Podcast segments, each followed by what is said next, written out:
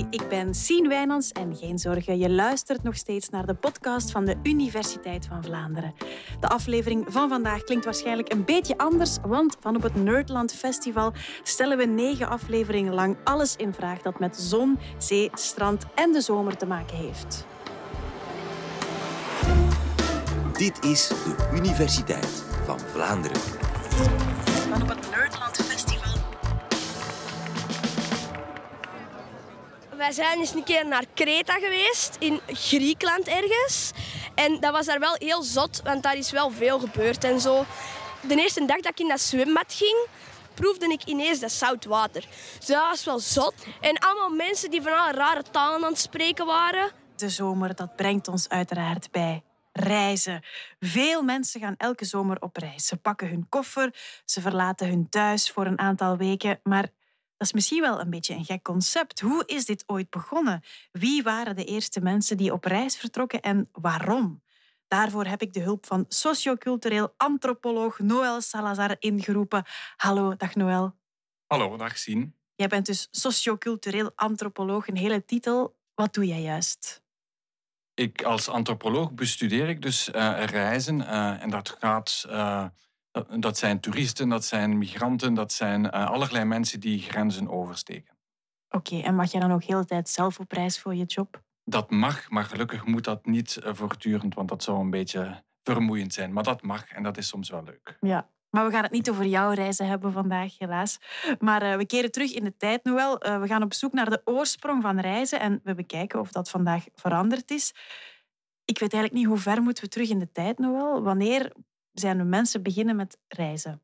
Ja, we moeten heel ver terug in de tijd, maar vooraleer we teruggaan in de tijd met onze tijdsmachine, is het misschien toch belangrijk om eventjes te definiëren wat we eh, verstaan onder reizen. Als wij denken over reizen, denken we misschien in de eerste instantie eh, aan toerisme, eh, trekken naar een vakantiebestemming tijdens de zomer voor plezier en ontspanning. Maar de definitie van reizen is eigenlijk ietsje breder dan dat. Ik zou het definiëren als ergens anders heen trekken voor een bepaalde tijd, omdat het kan, niet omdat het moet.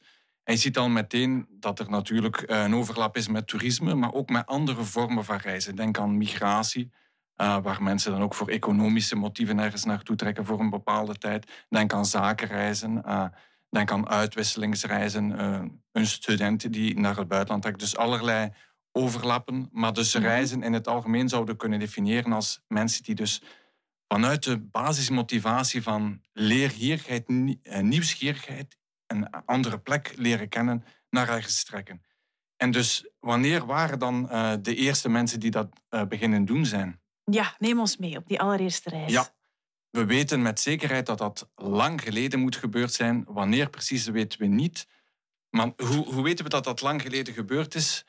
Had, had de reizen niet bestaan, waren mensen niet beginnen reizen, dan waren waarschijnlijk eh, alle mensen in Afrika gebreken. We weten dus dat de mensen, het menselijke ras in, in, in Afrika ontstaan is en van daaruit eigenlijk zich verspreid heeft over de hele wereldbol, dankzij reizen natuurlijk. Dus we weten met zekerheid dat de eerste reiziger een Afrikaan moet geweest zijn. Wie dat was, dat weten we natuurlijk niet. We hebben daar geen geschreven bronnen over. Wat we wel hebben is archeologie, dus we Ja. hebben vondsten. Ja. We hebben eh, natuurlijk eh, de overblijfsels van mensen. Dus we weten dat mensen eh, uitgespreid zijn. We hebben menselijke resten, maar we hebben ook allerlei voorwerpen die ze met zich mee hebben genomen. En dus als mensen begonnen reizen, dan begonnen ze ook dingen mee te nemen. En dat doen wij trouwens ook nog altijd als Mhm. we op reis gaan. Denk aan souvenirs. Souvenirs, ja, ja, ja, ja. Souvenirs. En souvenirs bestaan al heel lang. en dus er zijn archeologische vonden van aardewerk, van replica's, van beeldjes. Allerlei dingen die dus mensen met zich, met zich meenamen. Eh, een hele leuke vond ik, en eh, dat is een souvenir dat nog niet zo heel lang geleden gevonden is in Londen. Eh, wij denken dat we modern zijn. We hebben tablets.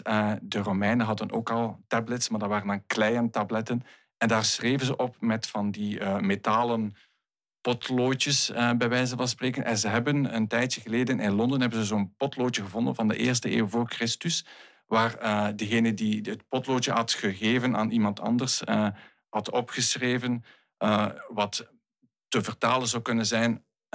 ik ben naar Rome geweest en het enige wat ik voor u heb meegebracht is dit potloodje. Dus een beetje zoals die t-shirtjes van I went to Rome and all I got you was this lousy t-shirt. Ja, ja, ja, ja. Maar dus van een paar eeuwen terug. Maar dus de eerste eeuw voor Christus, hoor ik, zijn dat dan de eerste vondsten ooit?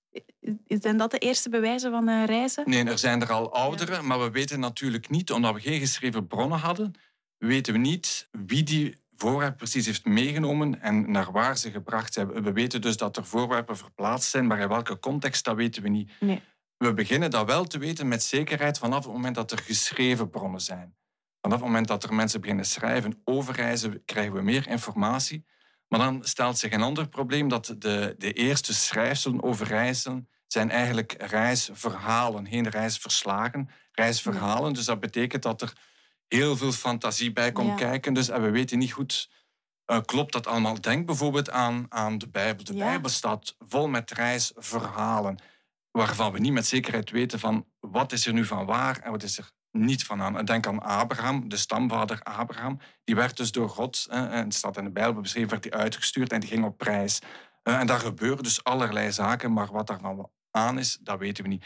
Denk aan Odysseus, de Odyssee. Ja. Eh, we hebben trouwens nog altijd het woord in onze taal. Eh, een, een, een lange, lastige tocht. Dit is ook een, een reisverhaal, geschreven in de zevende eeuw voor Christus al.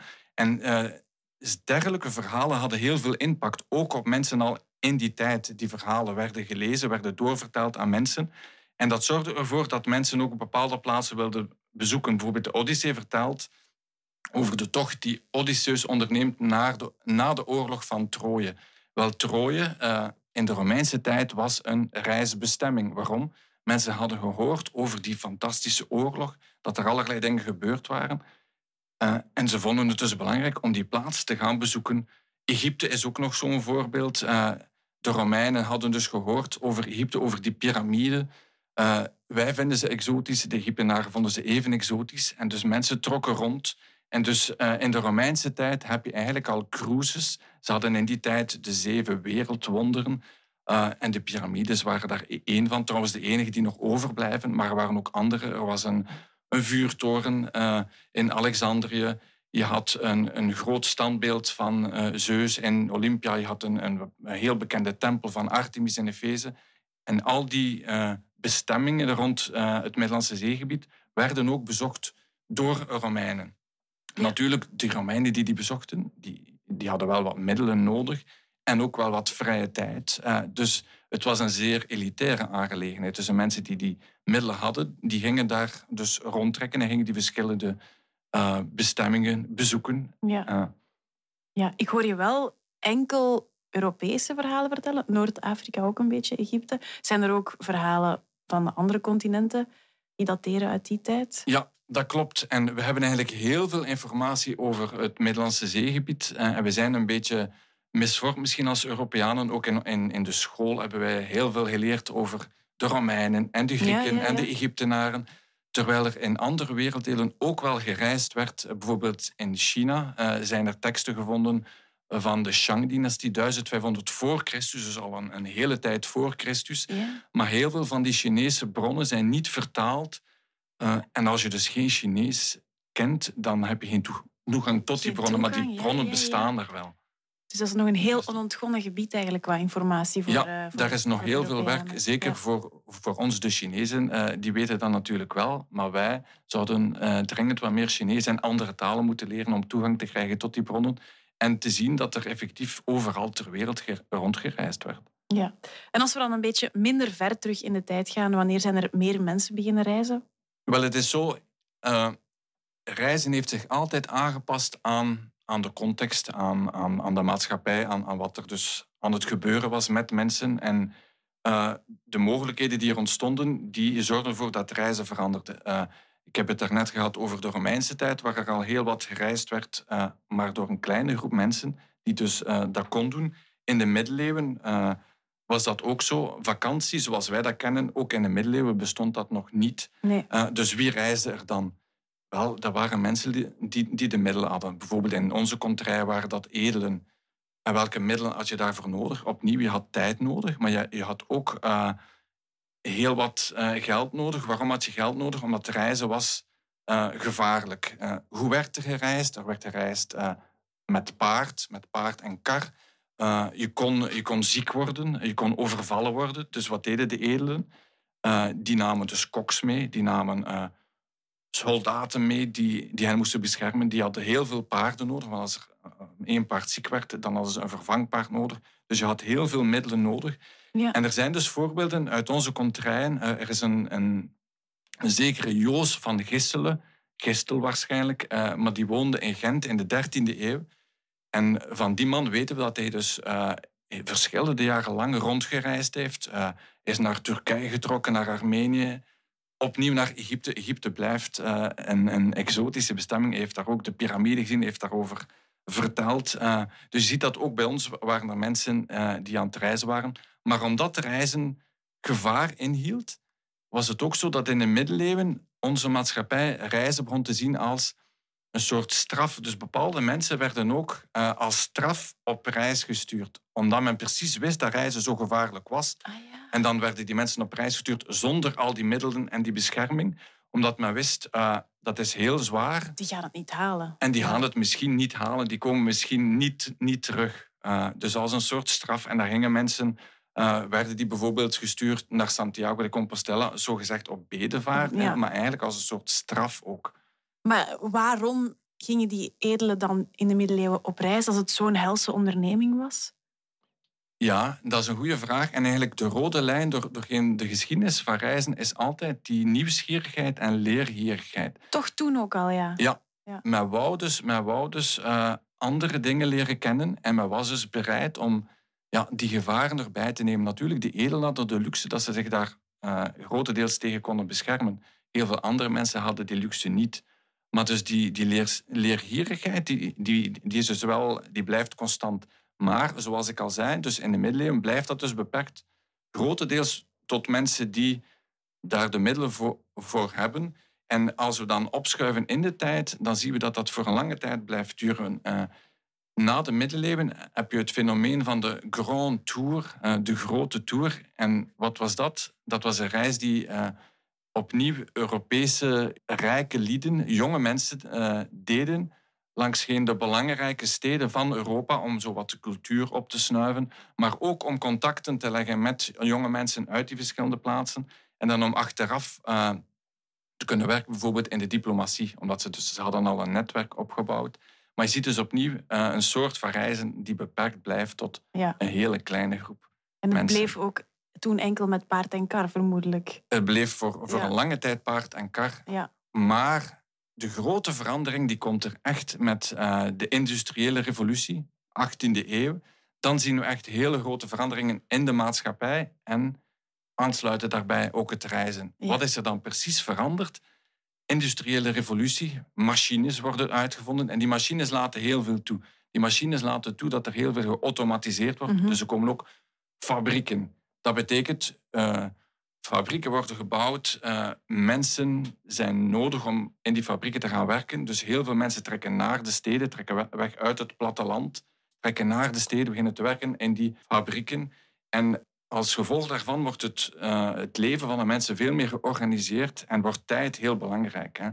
We kennen altijd het concept 9 to 5, uh, maar ook in een fabriek wordt je verondersteld op een bepaald uur te beginnen en ook op een bepaald uur te eindigen. En als mensen zich beginnen te organiseren, dan beginnen ze ook te eisen dat ze dus vrije tijd hebben. Ja, ja, ja, ja. Want inderdaad, tot nu toe heb ik je nog niet horen zeggen dat mensen gingen reizen om te ontspannen. Nu is dat natuurlijk de hoofdreden van de meeste ja, mensen. Omdat heel veel mensen wouden dat misschien wel, maar die hadden daar de tijd niet voor. Denk aan mensen die, die in een boerderij uh, moeten werken. Ja, die kunnen geen vakantie nemen, want de dieren, de koeien moeten altijd gemolken worden, de dieren moeten altijd verzorgd worden. Dus die konden dat gewoon niet doen. Maar vanaf het feit dat er vanaf het moment dat er mensen dus trekken naar de steden, werken in de fabriek, is er vrije tijd. En dan moet die vrije tijd opgevuld worden. En dan zie je dat er dus veel meer mensen kunnen reizen, omdat ze de tijd hebben, en ook willen reizen. Ja, ja, ja, ja. En wanneer zijn dan zo bijvoorbeeld de eerste reisorganisaties ontstaan? Ja, dus ik sprak over de industriële revolutie. Dus uh, er komt tijd vrij. Maar die machines die uh, ontworpen worden, die laten ons ook toe om allerlei zaken in het reizen zelf te gaan ontwikkelen, zoals transport. paard en kar. Uh, voor, lange tijd moesten mensen met paard en kar. Maar vanaf het moment dat er machines ontworpen, worden, denk aan, het, aan de stoommachine, dan krijg je treinen, dan krijg je stoomschepen. En dan uh, een tijdje later, dus, dus 18e eeuw, 19e eeuw spreken we. Einde 19e eeuw, begin 20e eeuw krijgen we dan ook de auto. dus we krijgen heel veel transportmiddelen. Dus mensen hebben niet enkel de tijd om te reizen, maar hebben ook heel veel meer middelen en keuzemogelijkheden. Ja. En mensen beginnen dus rond te trekken, maar natuurlijk uh, hebben daar weinig ervaring in.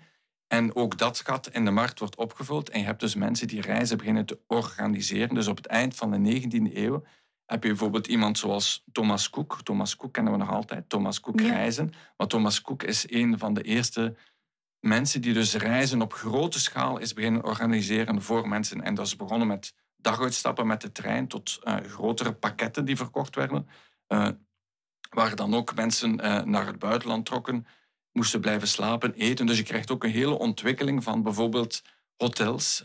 voor een hele lange tijd waren er eigenlijk weinig hotels. Je had wel herbergen en zo en kleinere plaatsen waar mensen blijven slapen. Dat waren meestal al loesje aangelegenheden. met het feit dat er meer mensen beginnen reizen, komen er echt hotels. En je hebt bijvoorbeeld uh, over de wereld, en zeker in Europa, heb je de grand, grand hotels die in de 19e eeuw gebouwd zijn. Hele grote, hele chique hotels, uh, waar mensen ook heel graag uh, bleven slapen als ze het zich konden permitteren. En als, als dat niet mogelijk was, een, een koffie gingen gaan drinken. Dus heel veel ontwikkelingen die het eigenlijk leuk maken en die eigenlijk ervoor zorgen dat er veel meer mensen ook, ook willen reizen, omdat reizen ook veel gemakkelijker wordt. Het is niet meer zo gevaarlijk. Je hebt dus al die transportmogelijkheden, je kunt lekker eten, je kunt, je kunt comfortabel slapen. Dus heel, heel veel ontwikkelingen in de, en op het einde van de 19e, begin van de 20e eeuw. Ja, hm. en ik denk niet dat mensen toen bijvoorbeeld al bezig waren met de impact op het milieu van reizen. Nee, dat is, dat is veel later gekomen. En uh, wat er heel, heel interessant is, is het feit, uh, als we het hebben over impact op het milieu, is het feit dat door het feit dat uh, reizen veel comfortabeler werd, kreeg je ook de toeristische sector, een hele sector die zich begon te ontwikkelen. En een toeristische sector is heel interessant, is eigenlijk, en ik heb dat in het begin ook al gezegd, toerisme en reizen overlappen met elkaar, maar niet volledig. De toeristische sector die zich ontwikkelde, die wilde mensen zo snel mogelijk en zo comfortabel mogelijk naar hun bestemming brengen, een vakantiebestemming. Uh, en het snelst is uh, het vliegtuig. Dus, dus, je had uh, paard en kar, trein, auto en dan bussen en dan het vliegtuig. En door het feit dat mensen heel snel op hun bestemming werden gebracht, ging het stukje van de reiservaring of het onderweg zijn verloren. En je ziet eigenlijk doorheen de Hanse geschiedenis van, van het reizen, dat je dus uh, een soort actie-reactie krijgt. Ja. En dus dat mensen gaan reageren op hoe de zaken zich ontwikkelen.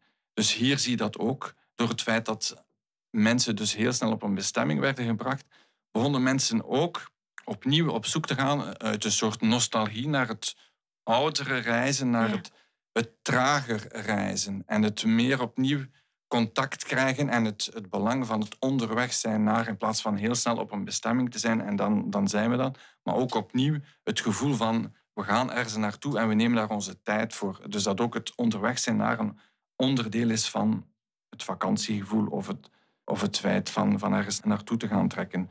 En dat is dus wel. Uh, dit heeft ervoor gezorgd, door het feit dat mensen opnieuw meer contact kregen met die omgeving, dat ze op en om traag, door het feit dat ze trager door die omgeving trekken, want als je in een vliegtuig zit, ja, dan zie je effectief wel de omgeving van heel ver, maar je hebt er weinig contact mee. Mhm. Door het opnieuw trager te, gaan reizen, zie je dat mensen dus uh, meer gaan zien wat er aan de hand is met het milieu en dat ze zich ook veel meer vragen gaan stellen over op welke mate zij daar, daarvoor verantwoordelijkheid dragen.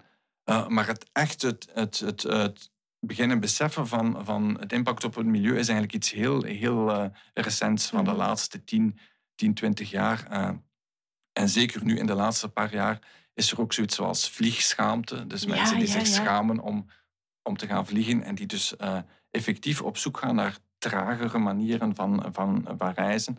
Maar het is niet enkel de snelheid die, die belangrijk is, het is ook het, het ongeplande als je terugdenkt naar de oudere vormen van reizen, zoals in de Romeinse tijd, zoals in, in de middeleeuwen was het Mhm. heel moeilijk om een reis te plannen. Ja. Mensen vertrokken, wisten niet hoe, hoe lang het zou duren, wisten ook dikwijls eh, niet langs waar ze zouden reizen. Dus je had, je had heel veel onverwachte elementen.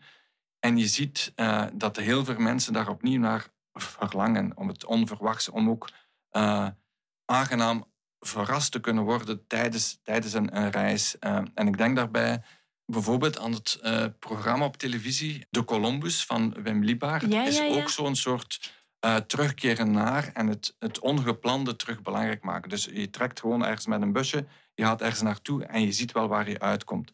En dit is iets wat, wat mensen wel aantrekt. En het is dus opnieuw een reactie op het overgeorganiseerde van de, van de toeristische sector. Je hebt hetzelfde trouwens ook met accommodatie.